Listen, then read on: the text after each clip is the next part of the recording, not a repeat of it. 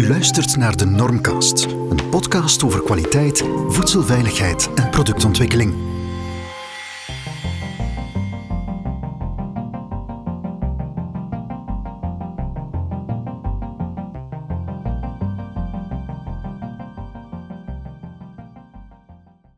Hallo en welkom bij de uh, Normcast, een nieuwe episode van de Normcast. Ik ben Tim de Boek en vandaag verwelkom ik uh, twee gasten die gepokt en gemazeld zijn in de vleessector. Um, laat ik beginnen met onze vrouwelijke gast voor te stellen, uh, Joke Boekaert.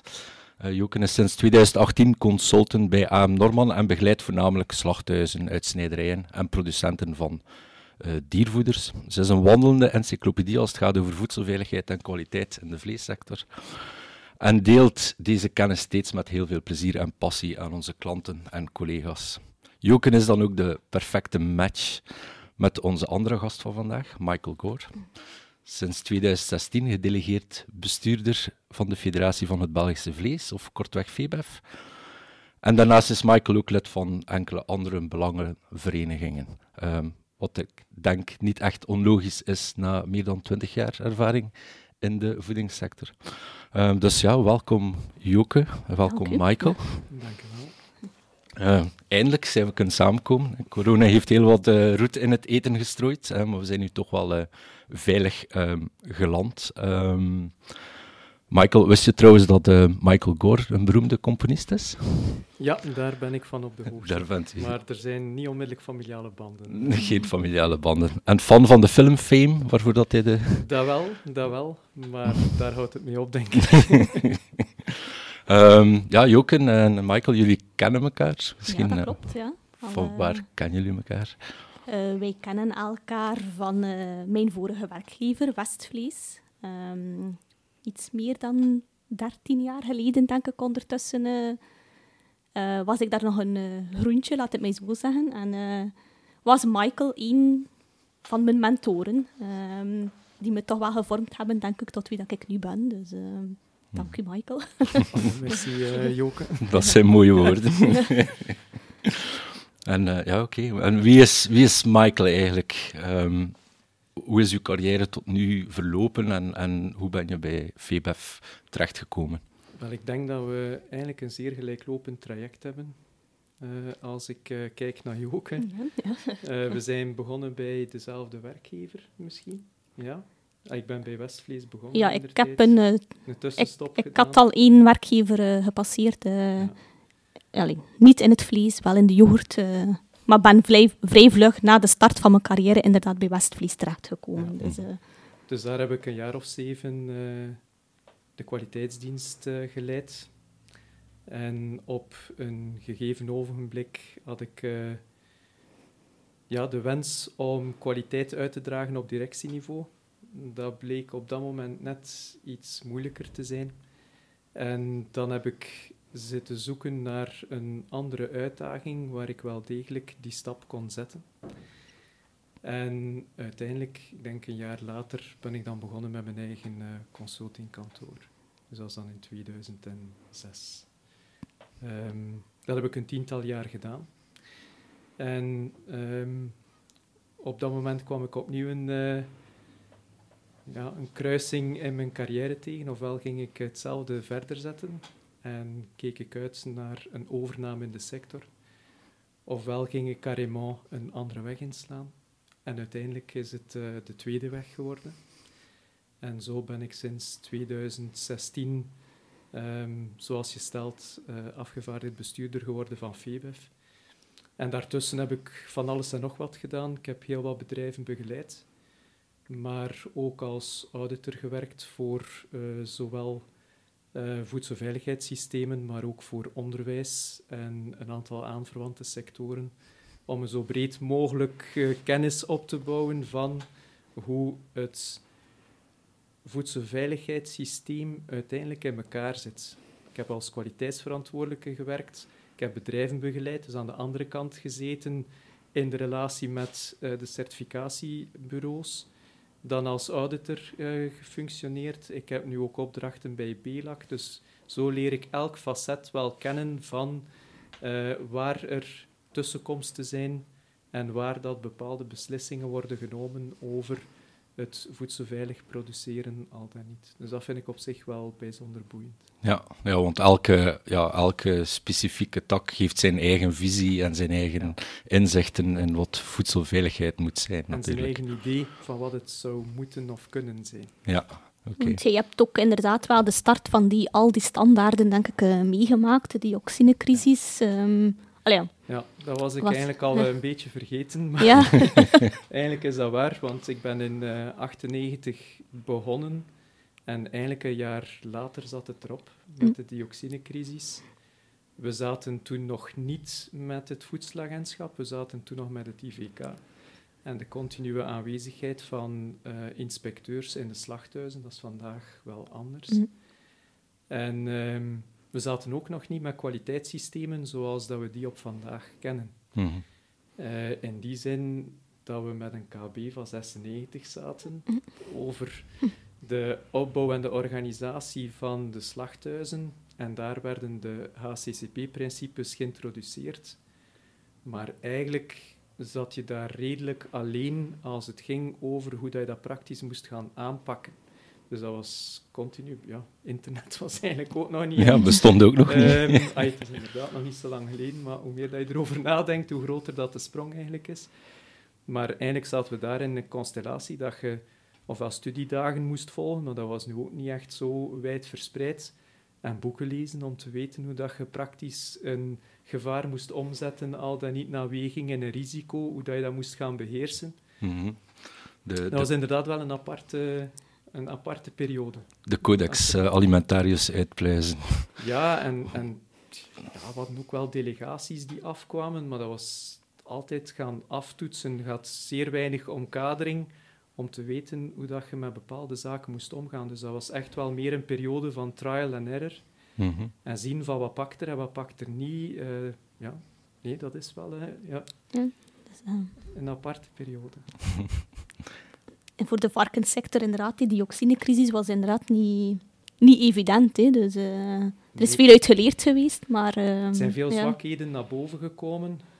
Ehm, het heeft ook wel, ik zou durven stellen, een bepaalde sterkte, weerbaarheid gecreëerd in de sector, omdat ze wel een soort voortrekkersrol gespeeld heeft in het structureren van processen, het opzetten van systemen. Ehm, maar het heeft eigenlijk terzelfde tijd, eh, en je gaf dat daar straks ook aan, Joke, de creatie van die voedselveiligheidsstandaarden zijn in grote mate gekomen een keer dat die crisis, ai, zijn er wel nog geweest in, in de jaren erachter, maar hebben wel de bakermat gelegd voor de systemen die op vandaag Mhm. toegepast worden in de commerciële markt. Mhm, Ja, Ja, het FAVV is daar inderdaad uit, eh, uit ontstaan. En eh, ik denk dat we op dat vlak als, als Belgen zijnde toch wel ook voorloper ergens geweest zijn binnen Europa. Of... Dat kan ik nu niet stellen. Waar dat het wel toe geleid heeft, je zat op dat moment wel met enerzijds het IVK, die redelijk goed uitgebouwd was, die in de vleessector, eh, dierlijke sectoren algemeen, toch vrij goed gevestigd was. Maar je zat met een achterophinkende eetwareninspectie. Mhm. Met een handvol inspecteurs die al de rest van de industrie moest gaan controleren, die dat voor ze, van zijn leven niet kon doen. Mhm. Ehm, en daar heeft de creatie van het voedselagentschap wel een platform gecreëerd waarbij dat alle operatoren in die voedselketen uiteindelijk konden onderworpen worden aan gestructureerdere en regelmatiger controles. Ja, meer- meer risicogebaseerd en, en We kunnen daarover discussiëren, maar laat ons zeggen, gestructureerd vind ik beter. gestructureerd, ja, Ja. inderdaad. ja, nee, dat is eh, inderdaad ehm, hoe dat eh, de kwaliteitsnormen en allemaal geëvolueerd zijn sinds wanneer dat u gestart bent en in vergelijking met wanneer dat ik daar bijvoorbeeld ingerold ben. Eh, Ja, BRC was nog een inspectiesysteem. ja. helemaal in het begin.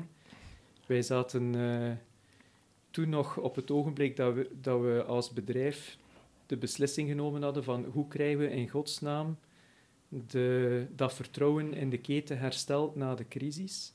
En toen waren, er maar twee opties. Dat was ofwel HACCP-certificatie, een Nederlands model, of BRC, dat toen enkel nog aan de kant van de UK bestond en dat eigenlijk een inspectiesysteem was. Mhm. we hebben toen geopteerd voor het eerste, maar we hebben eigenlijk heel snel moeten omschakelen, omdat ja, de vereisten vanuit de UK-markt uiteindelijk wel voor een stuk de overhand haalden. Door, door de, de exportgerichtheid van het Ja. bedrijf. Ja. Ja, klopt. Mhm. klopt. En dan is het vrij snel gevolgd met IFS en de systemen die we op vandaag kennen. Mhm. En die eigenlijk al aan eh, behoorlijk wat versies later. Ja, BRC versie hè. 8 en eh, IFS IFS 7, versie ja. 7 Ja. eh, binnenkort. Dus, eh. Inderdaad, ja.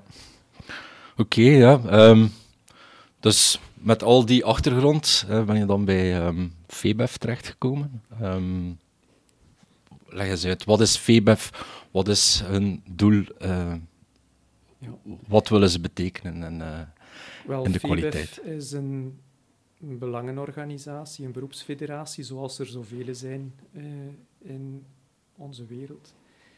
Ehm, wij verdedigen de belangen van onze leden, dus dat zijn bedrijven, slachthuizen, uitsnijderijen, producenten van vleesbereidingen, maar gekoppeld aan de roodvleessector. Dus wij vertegenwoordigen bedrijven die eh, varkensvlees verwerken, rundvlees, maar dat kan evengoed schapenvlees, geitenvlees, eh, noem maar op.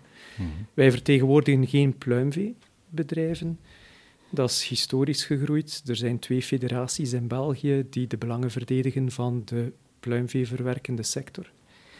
En wij zitten heel expliciet in de versvleessector. Van het ogenblik dat je daar een verduurzaming op gaat toepassen, dan kom je bij mijn collega's van Finavian terecht. Ja, En overkoepelend, dus wij zijn hier in de hoedanigheid van de vleessector, maar er zijn dus evengoed beroepssect- of beroepsfederaties voor de zuivel, groenten en fruit. mhm. En wij zitten allemaal dan nog eens onder een hogere koepel, zijn de FEVIA. Ja. En FEVIA verdedigt de belangen van de voedingsindustrie in het algemeen. Ja. in het algemeen. Daar zit er een kleine kanttekening bij, omdat alles wat verband houdt tussen primaire sector en verwerking hangt heel nauw samen met landbouw en primaire productie. En daar zitten wij voornamelijk als individuele organisaties of samen met de andere slachthuisfederaties te ijveren voor die gezamenlijke belangen. Mhm. Dus VEVIA gaat meer in op de specifieke verwerkende eh, sectoren. Dat is toch wel een nuance, denk ik. Ja, ja. Ehm, wij hebben een 130-tal leden, zijn nationaal actief.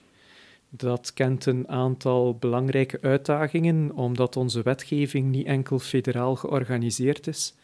Maar we zitten sinds 2015 ook met bepaalde gewestelijke omvormingen of regionale omvormingen, zoals dierenwelzijn. En dat betekent dat bijvoorbeeld voor bepaalde dossiers wij het werk in drievoud moeten doen, Mhm. omdat wij bepaalde belangen hebben langs Vlaamse kant, maar als nationale federatie willen we natuurlijk een gelijk speelveld Ja. over de verschillende gewesten heen en dat is eh, vandaag de dag bijzonder lastig. Mhm. ja, dat merken wij ook in de praktijk. Ja, inderdaad. eh. het is inderdaad niet altijd gemakkelijk. En zeker, ja, je, je hebt dan het, het FAVV bijvoorbeeld, maar je hebt dan inderdaad ook OVAM soms. En ja, het is eh, heel Ja. erg moeilijk soms om te weten wie is nu verantwoordelijk voor wat en wie mag iets zeggen over wat en wie mag het niet zeggen. En eh, ja, het is ehm, geen Ja. gemakkelijke discussie soms, Ik kan inderdaad. dat bevestigen, Ja. omdat ay, dierenwelzijn is daar één facet van. Maar in slachthuizen hebben we ook nog iets als karkasklassificatie. Mhm. Dus daar gaat het erom dat de boer krijgt waar dat hij voor betaalt, of omgekeerd. Hè. Dus dat de zaken of de, de slachtingen op een correcte manier verlopen. Dat is ook gewestelijk georganiseerd. Mhm. Milieu, zoals je zegt, Hm. Joke, regionaal georganiseerd. Ehm, en zo zijn er nog bepaalde controlediensten die regionaal aangestuurd worden. Maar dat betekent dat voor een bedrijf dat een economische activiteit heeft en eh, ofwel nationaal actief is, de meeste zijn niet actief aan hun achterdeur, die zijn nationaal actief of internationaal actief.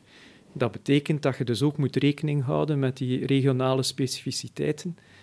Ja, dat maakt het soms bijzonder complex voor de bedrijven om nog te weten van welke zijn de voorwaarden waaraan ik moet voldoen. Mhm. En als er soms lacunes zijn, dan is het... Daar ga ik toch vandaag de dag vanuit. Heel wat bedrijven zijn van goede wil en willen de zaken doen zoals het hoort. Maar er is gewoon zodanig veel versnippering van uh, regelgeving dat het quasi onmogelijk is om het allemaal nog te kunnen weten. En, en zie je dat dan als eigenlijk een van de, de, de speerpunten van VBEF, om, om dat beter georganiseerd te krijgen dan toch zeker op Belgisch niveau? Of? Wel, speerpunt is misschien een formulering dat ik niet zou in de mond nemen. Het is een actieterrein van, de, van een federatie om ervoor te zorgen dat je um, dat gelijk speelveld kunt verkrijgen. Hmm. Maar aan de andere kant, ja, als er dan regionale verschillen zijn, dat je dat ook zo goed mogelijk kunt proberen uit te leggen aan de mensen. Want ja, we mogen ook niet van. We zitten met een, een beleidscontext die ervoor zorgt dat elke regio zijn eigenheid wil creëren. Mhm. En vanuit die eigenheid gaat men een bepaald keurslijf gaan opleggen, ook aan sectoren, ook aan bedrijven.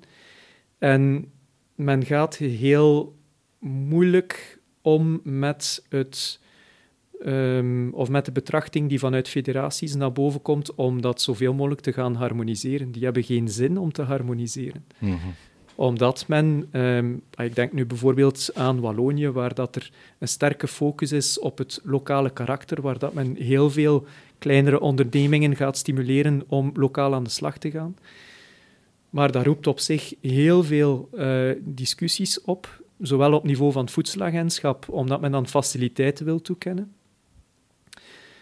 Maar terzelfde tijd zit je met bedrijven, KMO's, die uh, er alles aan doen om de huidige reglementering zo goed als mogelijk te volgen, dan is dat moeilijk te begrijpen dat je dan gedifferentieerd gaat aanpakken in functie van de grootte van die ondernemingen.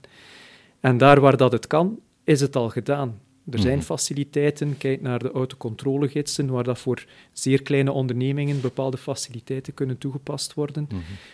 Maar op een gegeven moment wordt dat volledig uitvergroot en dan krijg je distorties. En die distorties leiden dan ook tot een ongelijk speelveld. Ja. Dus, ay, level playing field vind ik op zich zeer belangrijk, maar die realiseerbaarheid van dat level playing field zit niet altijd in de mindset van uh, de beleidsmakers. Nee, ja. Maar ook, ja, het is ergens ook wel belangrijk om met de diversiteit ook rekening te houden. Dat is zo. Kleinere bedrijven. Ja, dus we hebben binnen ons ledenbestand zeer, zeer kleine ondernemingen, slachthuizen die één dag per week slachten, of bedrijfjes die met twee, drie, vier man actief zijn. Mhm. Maar ook de grote concerns die internationaal aan de slag zijn. Dus onze federatie staat wel open voor iedereen. Ja. Dus dat betekent ook dat we de belangen van iedereen moeten kunnen verdedigen. Ja. Niet altijd Niet evident, soms een keer een spreidstand, maar um, ja, dat is hetgeen dat we doen. Maar inderdaad... Uh... Misschien dat je ook een keer kort... Ik zelf weet dat, maar met wie dat jullie werken binnen FIBEF, je hebt een uh, bepaald aantal personen. Het is misschien wel interessant voor de luisteraars als ik hier weten... Allee, we hebben Cedric, we hebben uh, Anne... Ja. Wat, wat ze juist doen, allee, als ze ooit uh, een specifieke vraag hebben, dat ze weten, ah ja, moet ik eerder naar Cedric of ga ik bij Anne te raden gaan? Of, uh... Wel, we hebben eigenlijk een... Uh, we zijn in totaal met een viertal mensen, dus dat is eigenlijk niet zoveel. Hè. Er wordt nogal vaak in de media over de vleeslobby gesproken, maar die vleeslobby kan ik eigenlijk op mijn hand tellen. Um, maar het is misschien ook omdat we ons werk goed doen, zeker, ik weet het niet.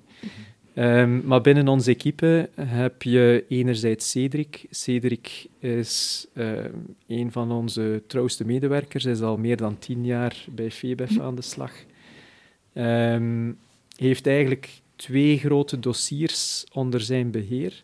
En dat is enerzijds uh, export. Mm -hmm. Hij is een krak als het gaat over export materie, de contactnames met ambassades, afstemmen van bepaalde voorwaarden, het um, aflijnen van instructiebundels met het voedselagentschap.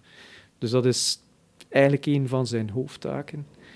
En uh, daarnaast is hij ook de man die uh, zich bezighoudt met alles wat monitoringprogramma's betreft. Dus binnen FEBEF hebben wij een traditie is misschien een groot woord, maar we hebben eigenlijk een aantal programma's lopen om een invulling te geven aan um, internationale verzuchtingen in onze export naar derde landen, waarbij dat we voor onze leden programma's opzetten, analyseprogramma's, om vanuit een sectorstandpunt um, analysepakketten te gaan voorstellen ten aanzien van derde landen, die interessanter zijn qua kostprijs, omdat men uiteindelijk minder analyses moet gaan doen, omdat je het vanuit een sectorperspectief bekijkt, mhm. dan als elk individueel bedrijf zou moeten proberen te voldoen aan de voorwaarden van dat land. Ja. We hebben zo een paar van die voorbeelden lopen. Een ervan is voor de Russische markt. We zitten nog altijd met een embargo, dat is nog niet veranderd sinds 2014. Maar um, charcuteriebedrijven bijvoorbeeld, die kunnen wel exporteren. Dus dat betekent dat slachthuizen uit snijderijen deelnemen aan dat programma, zodanig dat die charcutiers met hun charcuterie effectief de Russische markt kunnen betreden. We hebben ook een monitoringssysteem voor de Chinese markt. Momenteel ook nog onder embargo, omwille van Afrikaanse varkenspest. Nog steeds? Ja, ja, ja. ja. Dus uh, misschien kan ik daar nog een woordje over uh, uitleggen. Ja. ja, inderdaad. Dat zou wel interessant zijn. Ja. dus, um, maar hetzelfde voor de Chinese markt. Uh, daar zitten we met een, een apart gegeven. De Europese regelgeving is gericht op producten die op de Europese markt worden afgezet. Dus dat zijn deelstukken, karkassen, uh, noem maar op. Maar de Chinezen zijn niet echt de grootste consumenten als het gaat over dat type van producten. Zij hebben een eetpatroon en bepaalde componenten die complementair zijn met ons consumptiepatroon. Mhm. In die zin dat zij eerder naar bijproducten gaan kijken, naar bepaalde afgeleiden die wij niet bepaald gaan consumeren. Ja. Met andere woorden, de Europese regelgeving is niet afgestemd en heeft dus ook geen opvolgprogramma um, dat wettelijk ingebeiteld zit om die bijproducten te gaan opvolgen naar kwaliteit, microbiologische hm. kwaliteit. En daarvoor hebben wij dan een soort van programma opgezet waar dat uh, al diegenen die bereid zijn om de Chinese markt te gaan betreden, moeten aan deelnemen. Dus dat is een basisvoorwaarde. En dan daarnaast hebben we sectorale programma's, al dan niet geregeld via lastenboeken. We zitten ook in de raad van bestuur van Belbeef. Mhm. Dus het uh, lastenboek voor de rundveesector, vleesvee. En anderzijds ook bij Belpork. Dus voorheen het Certus-lastenboek, sinds kort Bipork geworden. Ja, inderdaad, ja. Um, waar dat uh, uiteindelijk op VBEF-niveau ook een sectoraal monitoringplan uh, loopt om sectoraal bepaalde uh, uitspraken te kunnen doen over de gesteldheid met bepaalde componenten die toegepast worden of gebruikt worden, of niet meer gebruikt mogen worden of kunnen worden in de sector. En um, daar is het wel zo dat het voedselagentschap vragende partij is dat sectoren zich zouden organiseren om meer en meer in te zetten op van die monitoringprogramma's. Je kunt dat natuurlijk ook zien als een verdoken manier om kosten te besparen, want al wat een sector doet, moet de overheid moet. dat niet doen. Ja. Um, en daar zijn wij momenteel dus in discussie met het voedselagentschap. Er is een werkgroep die recent zal, of die binnenkort zal opgestart worden, om een betere afstemming te gaan zoeken tussen wat de overheid nu doet binnen zijn monitoringssystemen en hoe dat we een betere aansluiting kunnen vinden met wat sectoren individueel doen. Uh, doen. Ja. Um, ja. ja. Okay, ja. Zeer, okay. zeer interessant. Cedric, ah, Cedric weet zeker Cedric. wat gedaan, denk ik. Ja, zijn, dagen, zijn dagen zijn goed gevuld. We waren uh, al draad kwijt waar, van waar we kwamen. En dus um, we hebben sinds een goed jaar ook uh, Anne bij ons, Anne Heijvaart. Zij komt uit de industrie, heeft ook een aantal jaar als kwaliteitsverantwoordelijke uh, in een slachthuis uit snijderij uh, gewerkt voor varkens en runderen. En zij zit bij ons om enerzijds de, de individuele vragen mee te helpen invullen die van leden komen en die zeer divers van aard kunnen zijn. Um, maar zij heeft ook het aspect duurzaamheid onder zich. Uh, dat was een lacune bij ons tot over een jaar. De ja, kijk naar de maatschappelijke context die evolueert, Green Deal, Farm-to-Fork-strategie die vanuit Europa toch doorcijpelt in beleid. Mhm. En dat duwt alle mogelijke ketens, niet enkel de onze, om uh, structureel te gaan nadenken van Hm. hoe ga je om met duurzaamheid, hoe ga je dat meetbaar stellen, hoe kunnen we indicatoren opstellen uh, binnen onze sector. En daar is Anne volop mee bezig. Is ook meer dan een fulltime job, want zij zit in talloze uh, commissies, comité's, werkgroepen, platformen om Ja, de vinger aan de pols te Het is houden. heel relevant, dus er zijn zeer veel initiatieven Zeker gaande. en vast. Zeker en vast. En ehm dat wil ik er ook wel aan toevoegen. De federatie behandelt niet enkel materie die verband houdt met voedselveiligheid. Natuurlijk, het FAF is een van onze grootste actoren met wie dat Mhm. wij, of stakeholders met wie dat wij in gesprek en of discussie gaan. Ehm, maar wij hebben evenzeer ehm, ja, sociale problematiek, eh, loonkost, ehm, milieu, eh, noem het maar op. Eh, daar waar dat er een link is waar een bedrijf tegenaan gaat lopen, daar gaan wij op een gegeven ogenblik zoeken naar een oplossing. Zelfs Ja. al zit dat niet onmiddellijk in onze core-activiteiten, van het ogenblik dat het ergens een impact kan hebben op het functioneren van een onderneming, dan gaan wij daarmee aan de slag. Ja, oké. Ja. Dat wist ik niet. Ik dacht inderdaad, VBF, dat is meer voedselveiligheidsgericht. Nee, nee, nee, absoluut niet. Alle Ehm, sectoren. En, eh, Ik kan een voorbeeld geven in het kader van de COVID-problematiek. in ehm, maart 2020 worden we allemaal geconfronteerd met eh, de lockdown. Onze sector moest daarin kunnen blijven produceren. Hè. We zijn een essentiële sector, net als alle andere levensmiddelenbedrijven. maar ehm, ja, goed, over de bevoegdheden was er dan een discussie van wat gebeurt er als er vaststellingen worden gedaan door inspecteurs van het FAF in slachthuizen over COVID. Ja, dat is niet de bevoegdheid van het FAF, maar het FAF geeft die opmerkingen wel door aan de SIOT, dat is de Sociale Inspectie en Opsporingsdienst. Ja. Ehm, we hadden ook een minister die nogal graag ehm, controle in eh, de mond nam. Eh, minister Ducarme die heeft naar aanleiding van VVIBA toch behoorlijk wat versterkte controles op de sector losgelaten. Inderdaad. Maar het is dezelfde minister die ook in juni beslist heeft om flitscontroles te gaan doen in de vleessector, om toch maar de opvolging en de correcte opvolging van de COVID-maatregelen ehm, te gaan afdwingen bij de eh, vleesbedrijven. Ja. Nu, die actie is op zich relatief goed verlopen, maar uiteindelijk zie je daar toch dat we de spits afbijten voor iets waar dat iedereen en alle Ja, levensmiddelenbedrijven op dezelfde manier mee zouden moeten omgaan. En waar dat we tot op vandaag moeten vaststellen dat dat toch niet overal op dezelfde manier eh, is ingebed. Dus, Dus- een beetje het slachtoffer van het, eh, de grote besmetting in Duitsland. We hebben, Waarschijnlijk. klopt, we hebben eigenlijk eh, redelijk wat miserie op onze nek gekregen omwille van de situatie in Nederland en Duitsland. Mhm. waar de arbeidsvoorwaarden, dus voornamelijk de syndicale insteek van ja, maar die huisvesting zit niet goed en eh, die mensen die zitten in erbarmelijke omstandigheden. Nu, wij zitten al met 2000 en, sinds 2012 met een samenwerkingsprotocol tussen de sociale partners en de sociale inspectie om een kader te scheppen voor ehm, de opvolging en het kaderen van de problematiek van ehm, buitenlandse medewerkers, want het Ja. gaat eigenlijk daarover. Mhm. Mhm. Onze sector wordt wel gekenmerkt door een nogal hoge aanwezigheid van ehm, buitenlandse werknemers. Nu, vele daarvan is gebleken eind dit jaar na een bevraging, zijn eigenlijk werknemers die een eh, duurzaam verblijf hebben in België, Ja. dus zijn niet noodzakelijkerwijze gedetacheerden.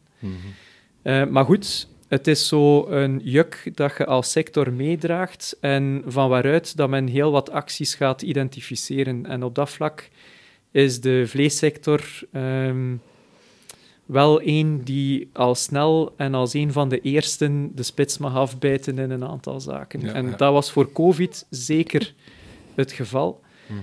En ook niet te vergeten, we zijn een van de weinige sectoren die zoveel externe controle kent. Ja, dat klopt inderdaad. Ja. Ja. Neem de slachthuizen. Oké, het FAVV hoort dat niet graag als we zeggen er is een continue aanwezigheid van eh, vertegenwoordigers van het FAF, omdat de dierenartsen of de belasten met opdracht Ja. niet aanzien worden als eh, werknemers van het FAF. Maar aan de andere kant, ze hebben wel een bevoegdheid om controle te doen, dus ze zijn wel degelijk aanwezig. Tuurlijk, ja.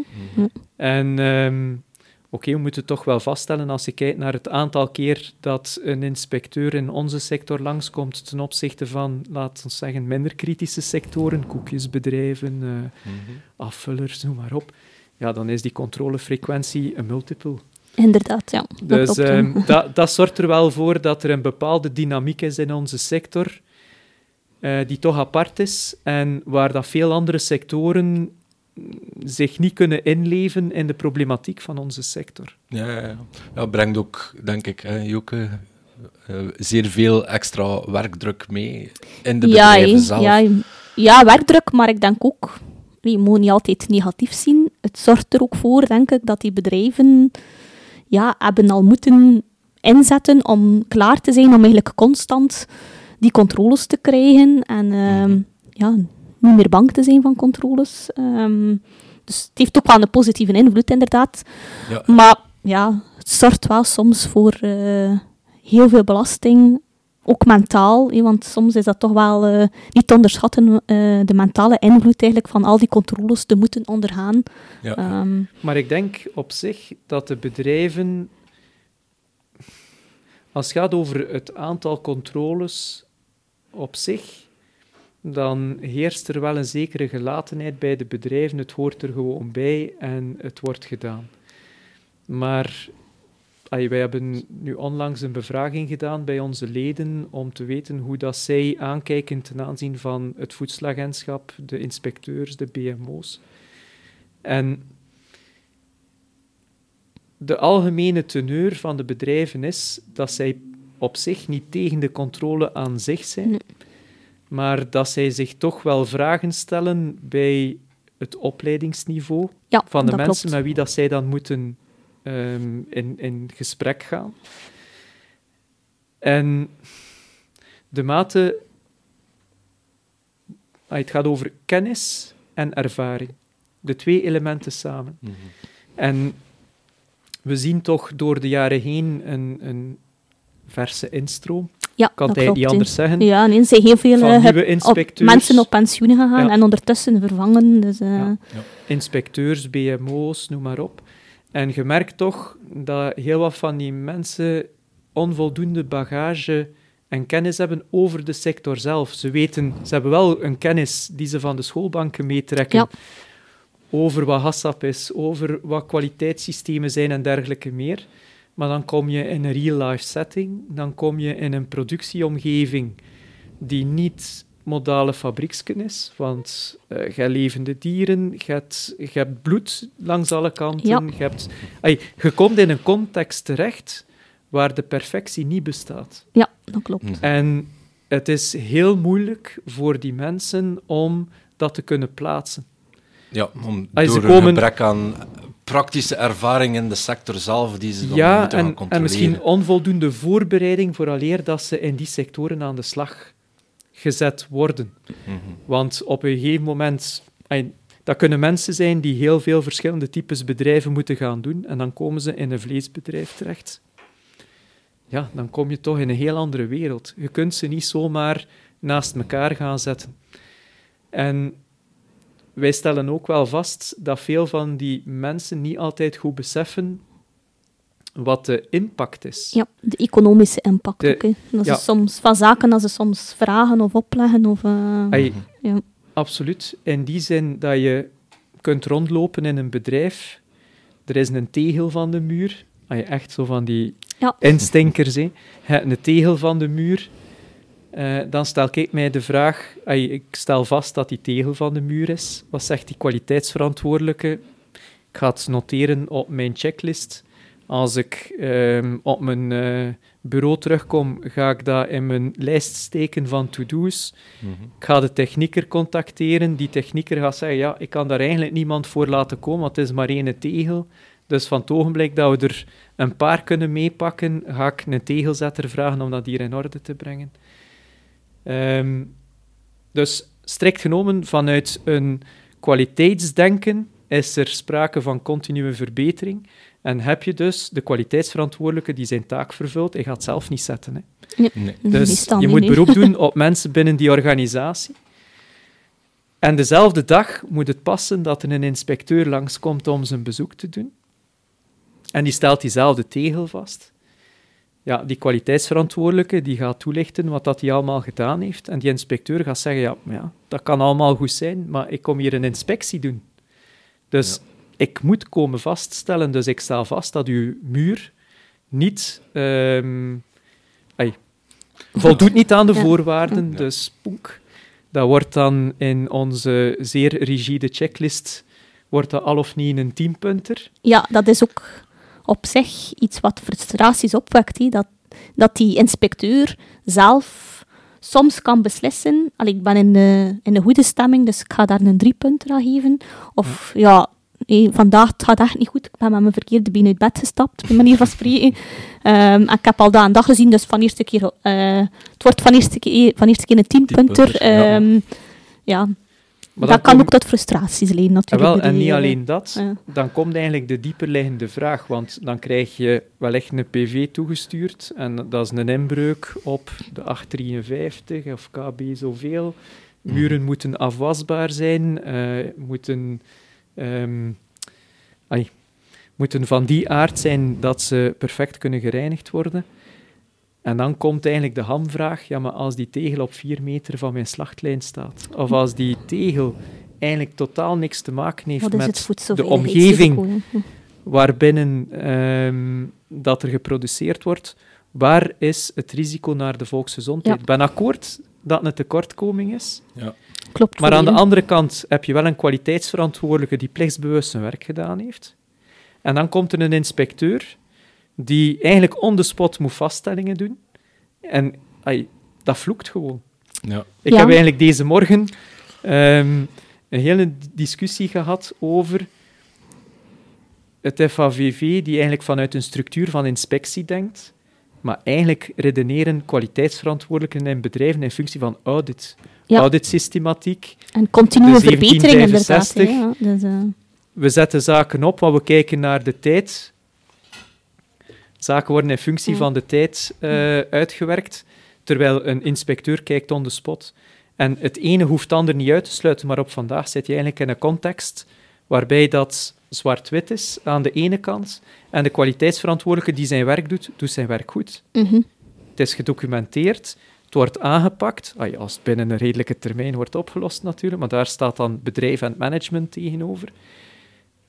Dus waar zit dan het probleem? In mijn ogen is in beide gevallen de voedselveiligheid hier nergens geschonden.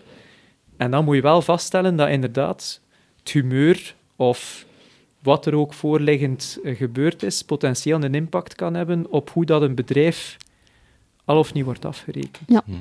Was in, in dat opzicht eigenlijk de versterkte controles, waren die eigenlijk niet een beetje meer, omdat die meer, iets meer systemisch gaan, een traceeroefening? Mm, Beter dan het afvinken van een checklist. Ik zeg ook niet dat ze perfect waren, maar is dat dan niet iets waar dat we meer naartoe moeten, of niet? Ehm, dat is een vraag die je eigenlijk beter niet gesteld had. ik heb daar eigenlijk nogal een zeer uitgesproken visie over. Ehm, die versterkte Hoeft- controles... Nee, nee, nee. Die versterkte controles waren eigenlijk opgedrongen. Als sector Mhm. hebben wij niet gezegd van ja, ja, geef ons nog maar een keer 4000 extra controles. Ja, Eh, we doen niet liever. Eh, het masochistische zit wel misschien een beetje in de vleessector, ik weet het eigenlijk niet. Maar ehm, het feit is, we hebben die 4000 controles gehad. Dat moest normaal gezien allemaal in 2018 plaatsvinden. Tegen het einde van 2018 waren er een goede 2000 gedaan. Mhm. Ja, ze hadden wel geld gekregen om er eh 4000 te doen. Dus ze hebben dan de rest nog in 2019 meegepakt. En aangezien dat ze er niet gingen komen, hebben ze ook de charcutiers meegenomen om dan te zorgen dat ze toch wel aan die Aan die 4000 4000. zouden komen. Dat is één. Twee, ehm, de inhoud van die versterkte controles. Sorry, maar er was één hoofdmoot. De minister had gezegd fraudeopsporing. Mhm. Dus per definitie fraude. Dus ze komt binnen in een bedrijf. Ja, we zijn hier om fraude op te sporen. Dus we hebben eigenlijk een carte blanche gehad. Eh, begin maar te zoeken. Mhm. Ah, Ik weet het niet, maar dat lijkt mij niet de juiste insteek om vertrouwen te kweken tussen een overheidsdienst die voedselveiligheid hoog in het vaandel draagt en bedrijven die nog altijd in de shock zitten van eh, wat er gebeurd is met eh Veviba en de afstraling die dat gekend heeft over een hele sector. Dan moet ik het nog niet hebben over de inhoud. Ja. Een grondplan die al of niet in orde is, eh, leidt tot een PV. Sorry, maar als elk jaar het FAVV bij de bedrijven gaat gaan rondlopen, inspecties gaan doen, meermaals, en dat de grondplannen worden goedgekeurd door het FAF, dan vind ik het zeer kort door de bocht gesteld dat je dan zegt, "Wel, we gaan een keer een inhaalbeweging doen, we gaan er een keer grof door, we gaan al die plannen terug van onder het stof halen, en Mhm. daar waar dat de, de deur verkeerd zit, ja. Ja. we gaan er maar een PV voor geven, maar eigenlijk had hij dan moeten laten weten dat er een deur verkeerd Dus, was. eh, Ai, deel, deel opnieuw inkomsten vergaren om de controles te be- betalen. scherp. Daar, Nee, dat, dat ga ik nu niet eh, zeggen, dat is een andere discussie. dat, is, dat is wat ik, ik soms hoor, van, ay, wat dat dan Nee. bedrijven zelf durven zeggen. Maar, ja. Maar ik vind wel heel ehm, jammer dat men ehm, bepaalde elementen in die versterkte controles heeft opgenomen. Het al of niet goed reinigen van de vrachtwagens in de slachthuizen, dat was eigenlijk een onderdeel van de versterkte controles. Mhm. Ja, sorry, maar dagdagelijks staat er een DMO die moet toezicht houden, Mhm. die vrachtwagens niet mag eh, loslaten als ze niet adequaat gereinigd zijn. En dan, ehm, omwille van het feit dat dat in die versterkte controles zit, dus bovenop het reguliere, werd dat als een zwart-wit situatie gezien. Mhm. En dan stel ik me nog altijd de vraag, zowel bij de erkende plannen als het al of niet goed kuisen van vrachtwagens, waar dat het fraude-element zit. Ja. Hè? Want dat was toch de insteek. Ja. En daarnaast had je nog een aantal andere eh, aspecten die effectief als blanco werden weerhouden. Maar dan nog, je gaat mensen op het veld, eh, in het werkveld sturen eh, bij bedrijven waarvan dat de kwaliteitsverantwoordelijken al overbevraagd zijn, die al dagdagelijks in de weer zijn om een kwaliteitssysteem bij te houden. En wat gebeurt er dan? Huppla, een dag, twee dagen, afhankelijk van het aantal erkenningen, kon dat nogal snel oplopen. Ja. En dan moest die kwaliteitsverantwoordelijke ehm, bij die eh, inspecteurs of controleurs aanwezig zijn om die audits te kunnen doen. Ja. En dan aan de andere kant zitten we met kwaliteitsverantwoordelijken aan wie dat we vragen om een kwaliteitssysteem te beheren, om in de praktijk aanwezig te zijn. Op den duur wordt dat allemaal vrij lastig Mhm. als je continu van je werk wordt afgehouden. Hè. Ja. Dus het is, het is niet zo zwart-wit. Eh, controle is absoluut geen probleem mee.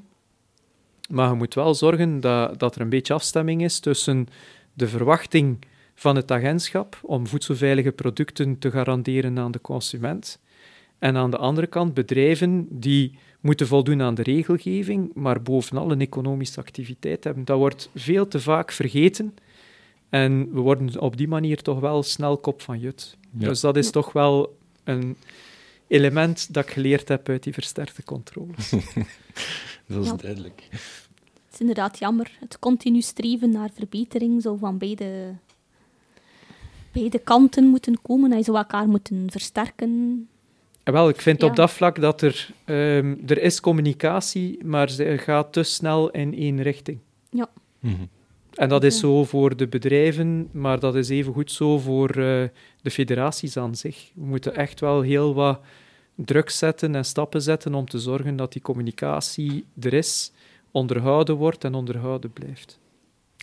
En zie jij dan veranderingen die op tel zijn bij het FAWW? Of oh, jij komt vrij vaak in contact eh, met hen? eh. Wel, veranderingen aan zich nu niet onmiddellijk, maar we hebben wel een aantal dossiers lopen die wel een, een grote invloed kunnen hebben op de bedrijven. Ah, Ik denk maar aan eh, het dossier dat we momenteel lopende hebben over de hervorming van het KB-keuring bij de slachthuizen. Ehm, daar loop ik alles behalve gelukkig van, omdat het voedselagentschap een voorstel heeft uitgewerkt waarvan dat wij moeten concluderen dat er onvoldoende afstemming is tussen diensten. En als wij dan met bepaalde suggesties afkomen, dat die uiteindelijk eh, één voor één van tafel geveegd worden, dan stel ik mij de vraag, waar is de concertatie? Mhm.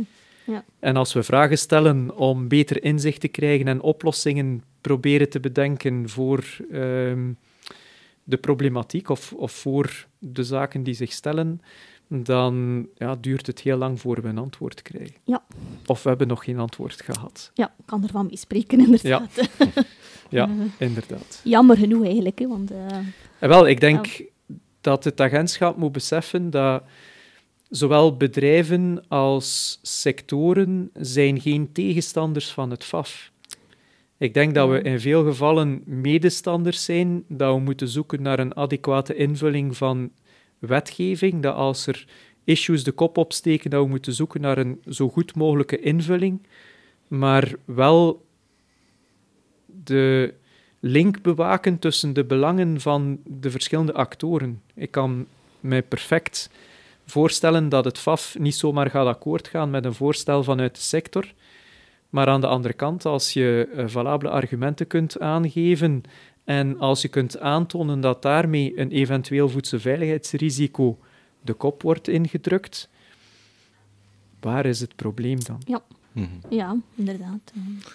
Ja, het is soms eh, gisteren nog ehm, een, een, een, eh, planbespreking gedaan van, voor een erkenning. En uh, daar was ook op de checklist en uh, werd duidelijk gesteld van, uh, ja, er is geen grijs. En als het grijs is, dan is het zwart. Dus het wordt Ja. zo duidelijk op tafel gelegd door het uh, FAVV. En dan, Wat dus dat eigenlijk soms- jammer is, want Ja. uiteindelijk die inspecteurs komen ook in heel veel bedrijven. Dus waarom kunnen zij dan niet andere bedrijven helpen terug van om hen beter te laten worden? En zo de Hanse sector en de Hanse voedingsindustrie te laten beter worden. Maar nu, Misschien is de ja, dat, balans dat is te een veel... stap, dat is precies nog een stap te ver op dit ogenblik voor dat eigenlijk zo, eh, ja, zo uit te dragen. En ja, ze zijn, eh, ze, zijn niet, ze zijn er op dit ogenblik niet echt om te helpen.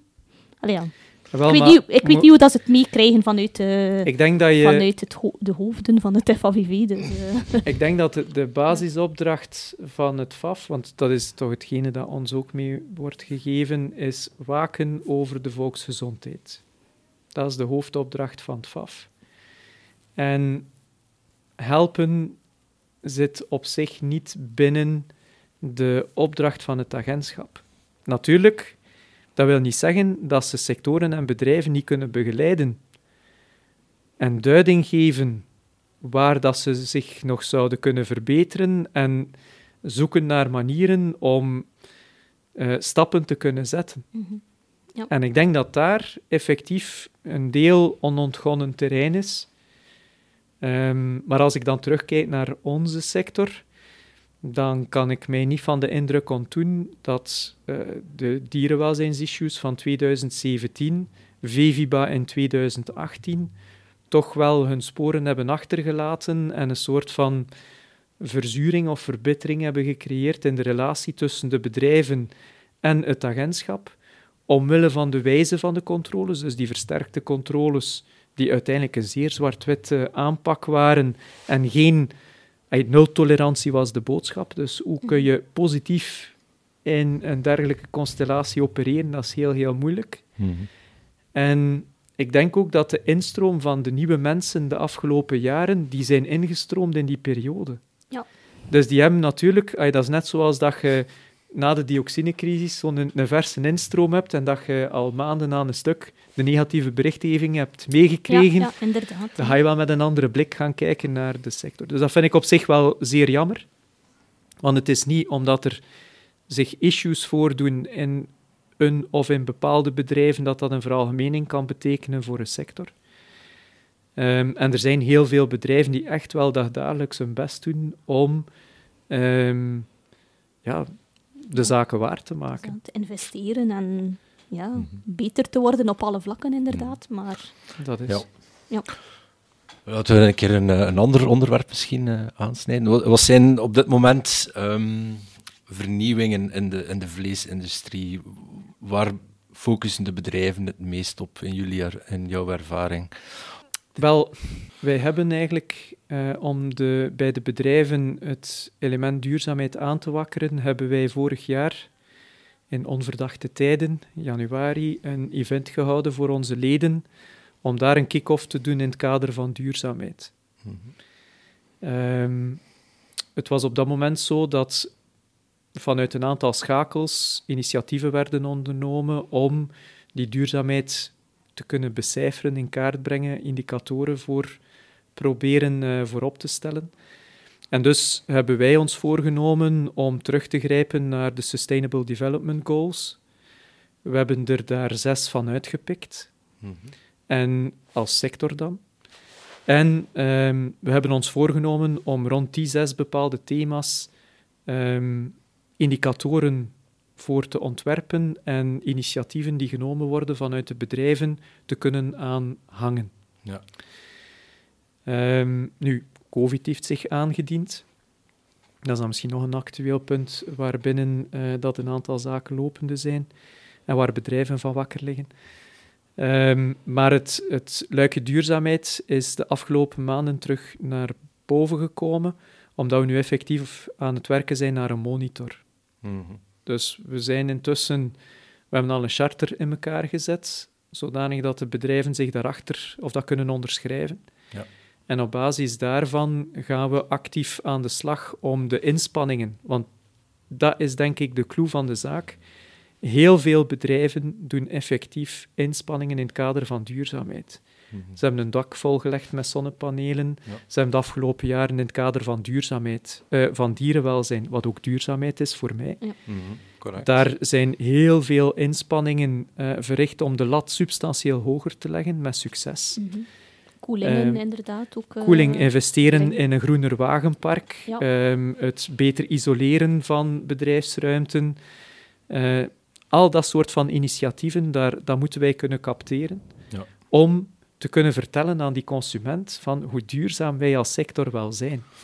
Omdat en dat inderdaad de vleessector eigenlijk een stempel krijgt van, van, van niet duurzaam te organisaties zijn. van inderdaad niet duurzaam ja, te zijn. Dat klopt, ja. dat klopt. En um, laat ons zeggen dat de maatschappelijke context op vandaag, ook met het Europese kader, Farm to Fork, um, Green Deal, ons er ook toe aanzet, net als andere sectoren, om te gaan in kaart brengen welke duurzaamheidsinitiatieven er allemaal worden ondernomen en op welke manier wij die inspanningen van de sectoren kunnen meten. Ja. Want dat is de complexiteit. Hoe kun je in godsnaam gaan meten wat dat al die individuele bedrijven qua inspanningen doen? En dan moet je dat nog kunnen koppelen in een soort van sector- of ketenrapportering. Want wat zijn we met de inspanningen van een slachthuis te kennen? Als we ze niet in kaart hebben van de primaire productie, mm -hmm. als we ze niet in kaart hebben van de uitsnijderijen of de mensen die bereidingen maken, en niet kennen van wat er gebeurt op niveau van de retail. Want het is heel die keten mm -hmm. die uiteindelijk moet kunnen doorvertaald worden in een signaal naar de consument van hoe duurzaam dat product is. Ja, ja. Maar je kunt evengoed Belgische garnalen hebben die naar Marokko gaan om gepeld te worden en dan terugkomen en als Belgisch op de markt worden gezet. Ja. Dus um, het zijn Belgische producten. Ja. ja. De Noordzee Dus op dat vlak ja. toch wel een belangrijke. En um, waar onze bedrijven ook wel van wakker liggen, is de actualiteit. Mm -hmm. um, en daar komt COVID naar boven. Ja. We hebben daar straks al uh, een stukje erover gehad. Maar onze bedrijven liggen vooral wakker van hoe zorg ik ervoor dat wij op vandaag niet zelf de klos worden van de situatie. We moeten eerlijk zijn, het is onduidelijkheid troef. Ja. Um, bedrijven die zelf willen testen, die kunnen niet zelf testen, want de overheid laat dat nog altijd niet toe mm. om structureel aan testing uh, te gaan doen. We weten dat individuele bedrijven daarmee aan de slag zijn, mm -hmm. maar de officiële aanbevelingen zijn niet doen. Mm -hmm. En dus zeggen bedrijven van, kijk, ja, ik wil mij wel wapenen tegen een uh, eventuele cluster bij mij in het bedrijf. Ja. Hoe moet ik dat opzetten? En dan is een van de enige zaken dat je daar uh, zou kunnen tegenoverzetten, is bon, ventilatie. Want dat was de frustratie in Nederland en Duitsland. Mm -hmm. Van, ja, maar ja, uh, oké, okay, die huisvesting is niet 100%, maar we hebben toch wel kunnen bewijzen dat van die partikeltjes of covid-partikels toch acht meter ver kunnen geraken. Ja. Dus die koeling moet toch wel een probleem zijn. Dus op dat vlak hebben wij heel veel vragen van bedrijven binnengekregen. Ehm, dat is ook de reden geweest waarom dat we op een gegeven moment met Flanders Foods rond tafel uh, gegaan zijn. Om te zien van, kijk, hoe krijgen we hier een um, projectopgang om dat eigenlijk beter in kaart te brengen. Ja. Omdat we ook wisten dat de studie die in Duitsland werd toegepast, ja, het was opvraag van een bedrijf. We wilden echt wel uh, de, de eenduidigheid hebben en de transparantie dat het wetenschappelijk te onderbouwen was. Mm want die acht meter werd ook in officiële overlegplatformen toegepast. Dus we hebben uh, met Flanders Food en Ilvo een uh, pilootproject opgezet. Dat draait momenteel nog. Waarbij onderzoekers van Ilvo een mathematisch model gebruiken op basis van de ventilatie, de openingen in een gebouw. Mhm om um, de stromen, de luchtstromen in kaart te brengen en na te gaan waar dat er minder luchtstroming is en dus een grotere kans dat partikeltjes blijven hangen ja, ja. ten opzichte van ja, locaties waar de ventilatie rechtstreeks op de mensen blaast. Ik zeg maar iets. Dus um, dat is volop bezig. We hebben dat in een uh, slachthuis, een uitsnijderij en ook in een sanitair blok mm -hmm. um, laten doorgaan. En een tweede luik van dat project is gekoppeld aan um, sanitair afvalwater. Ja. Omdat ook in verschillende studies uh, op gemeentelijk niveau men afvalwater ging gebruiken als een parameter om de, uh, de geladenheid van mogelijke COVID-dragers in kaart te brengen in een bedrijf. Mm -hmm. Dus die twee facetten hebben we teruggetrokken tot op niveau van een aantal bedrijven, om hopelijk daaruit een aantal conclusies te kunnen trekken van als bedrijven willen investeren. Want dat is eigenlijk de clue. Heel veel bedrijven worden om de oren geslagen met leveranciers die zeggen de oplossing te hebben voor ventilatie. Ja, HEPA-filters, ja. uh, ja, wat heb je allemaal? Ozonfiltratie. Ik weet, ik weet het allemaal niet wat dat ze... Ja, ik ben het ook uh, kwijtgeraakt. Want er inderdaad, zijn er het klopt dat, je heel veel, dat er heel veel telefoontjes uh, binnenkomen. En, uh... Uiteindelijk willen we ertoe komen dat bedrijven eerst in kaart brengen waar de risico's kunnen zitten. De kwaliteitsbenadering van oké, okay, een mathematisch model in kaart brengen van hoe uw ruimten gestructureerd zijn, ja. waar zitten de grootste risicozones, mm -hmm. om dan te gaan zoeken naar de gepaste uh, infrastructuur of de gepaste investering.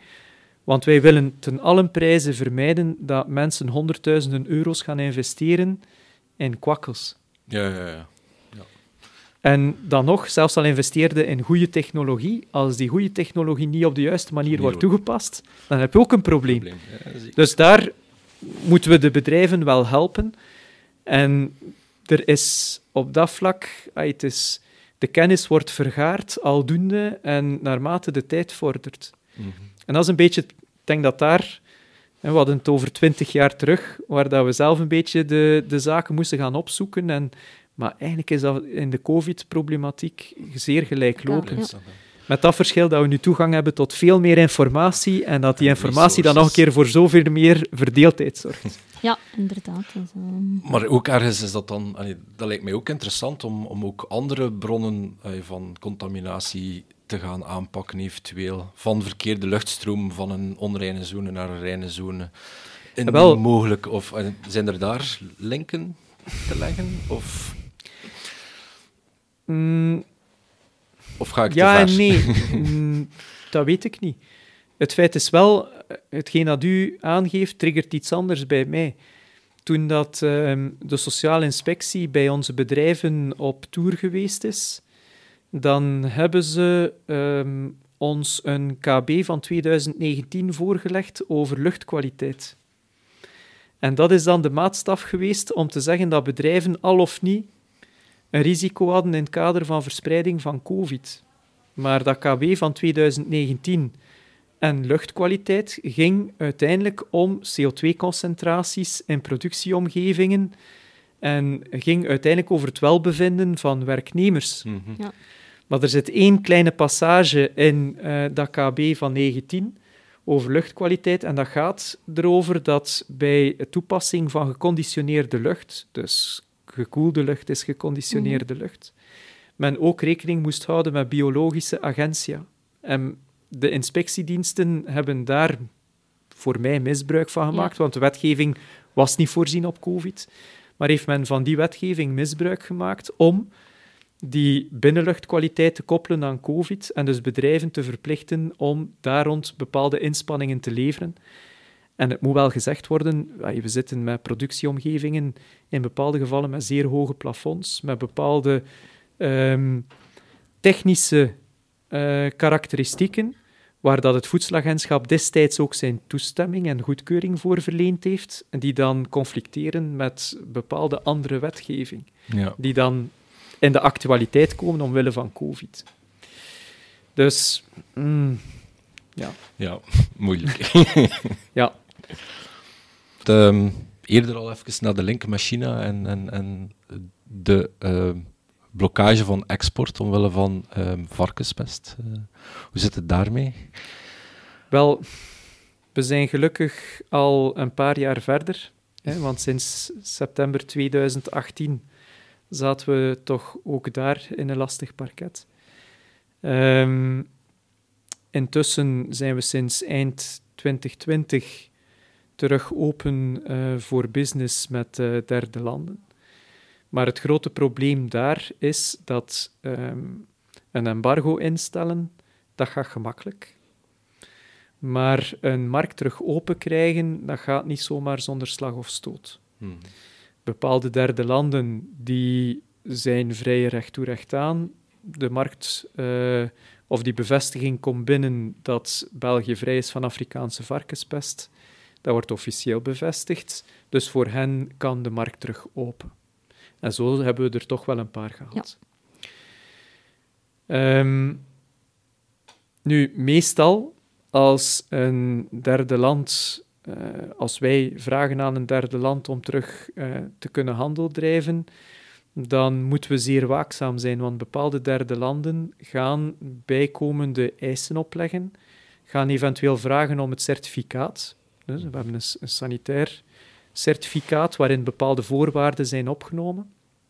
Die gaan vragen om dat te heronderhandelen. Dus um, daar kruipt soms wel wat tijd in. Uh, op vandaag zijn we nog altijd niet in de laat ons zeggen, in de situatie pre-varkenspest, omdat een aantal belangrijke afzetmarkten nog altijd niet voor ons open zijn. Hmm. Zuid-Korea, Japan, China. Ja. Andere zijn in gesprek. Hmm. Um, maar daar zitten we ook met ja, bepaalde belangen die gaan spelen, die onze sector overstijgen. Hmm. Als het China-dossier is bijvoorbeeld, dan komen andere belangen, Europese belangen, nationale belangen. Um, andere sectoren waar dat er uh, een blokkage op zit, die dan uh, varkensvlees gaan blokkeren. Dus daar zijn we ay, een beetje zoals aan de elementen overgelaten. Het is wachten totdat het terug naar beneden komt om dan weer een stap te kunnen zetten. De speelbal van de macro-economische factoren. Jammer genoeg, de, ja. maar zo is het wel. Mm -hmm. Ja. ja.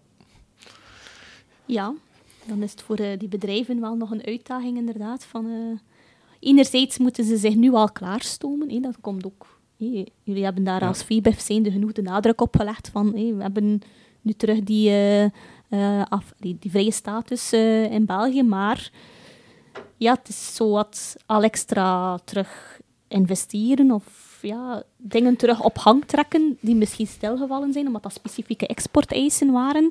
Maar langs de andere kant is het heel moeilijk, omdat dat, dat er eigenlijk niet goed geweten is. Maar ja, gaat dat nu voor 2021 zijn Wanneer of gaat dat nu voor 2022 zijn? Dus, uh, zeker inderdaad als we kijken naar China, Zuid-Korea, Japan, dat zijn zo de landen die ook graag zekerheid willen en die waarschijnlijk eerst nog een keer gaan op bezoek willen komen. Ja. Mogelijk, hè, maar dat, dat kan dan nu ook niet. En inderdaad, FAVV zit er ook tussen. Die gaan waarschijnlijk ook eerst nog een keer. hè, Ja. We hebben het over de extra versterkte controles gehad. Ja. Ik, mijn buikgevoel zegt dat eh, het opengaan van export de aanzet gaat, zal zijn voor FAVV van dat ook nog een keer extra allemaal nog toch te gaan controleren. Dus ja, er speelt toch eh, heel veel onzekerheid. Enerzijds hoop, maar anderzijds ook eigenlijk onzekerheid van hoe gaat het nu ja, Ja. hoe gaat het verder lopen? Hè? Dus, eh, Nu, we hebben inderdaad aan de bedrijven, eenmaal dat de varkenspest ingetreden was, hebben we bijvoorbeeld trichineonderzoek Ja. laten stilleggen. Omdat dat uiteindelijk een kost was voor de bedrijven, maar de toegevoegde waarde van die trichineonderzoeken was eh niet heel. Nu zitten we met de heropening van een hele reeks markten, maar binnen die certificaten, voor bepaalde dan toch, staat erin dat elk karkas moet onderzocht zijn op trichine. Dus dat zijn... nu zitten we inderdaad in die afweging van oké, als die markt dan open gaat, vanaf wanneer, welke producties zullen dan toegelaten worden voor export, vanaf welke datum?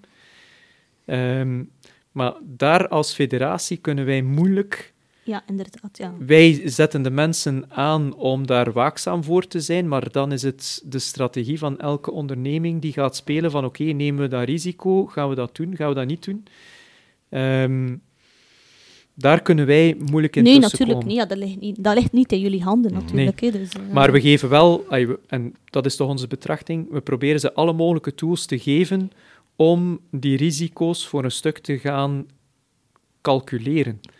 Als het gaat over de heropening van de markt naar China, ja, we weten dat dat niet voor morgen is, Ja. maar het feit is ook dat wij nu op een gereduceerde frequentie zitten voor staalnames. Inderdaad, dat klopt. Ja. Dus bedrijven kunnen daar, voor diegenen die dat willen, al een aantal stappen zetten. Maar we hebben op vandaag, en dat is dan de meer objectieve kant, weinig argumenten om te zeggen, doe dat maar. ja, tuurlijk, tuurlijk. Maar ja. diegene die wil, die kan dat natuurlijk. Mm. En dan als eh, laatste element is het ook zo, binnen die heropening van die markten is er nu een andere variabele bijgekomen wat dat we vroeger niet hadden, en dat is ook COVID. Ja. Eh, wij hebben als VBEF daar een noodplan eh, opgesteld in het begin van de eerste golf. We zitten intussen, denk ik, aan versie 13 of zo van die gids.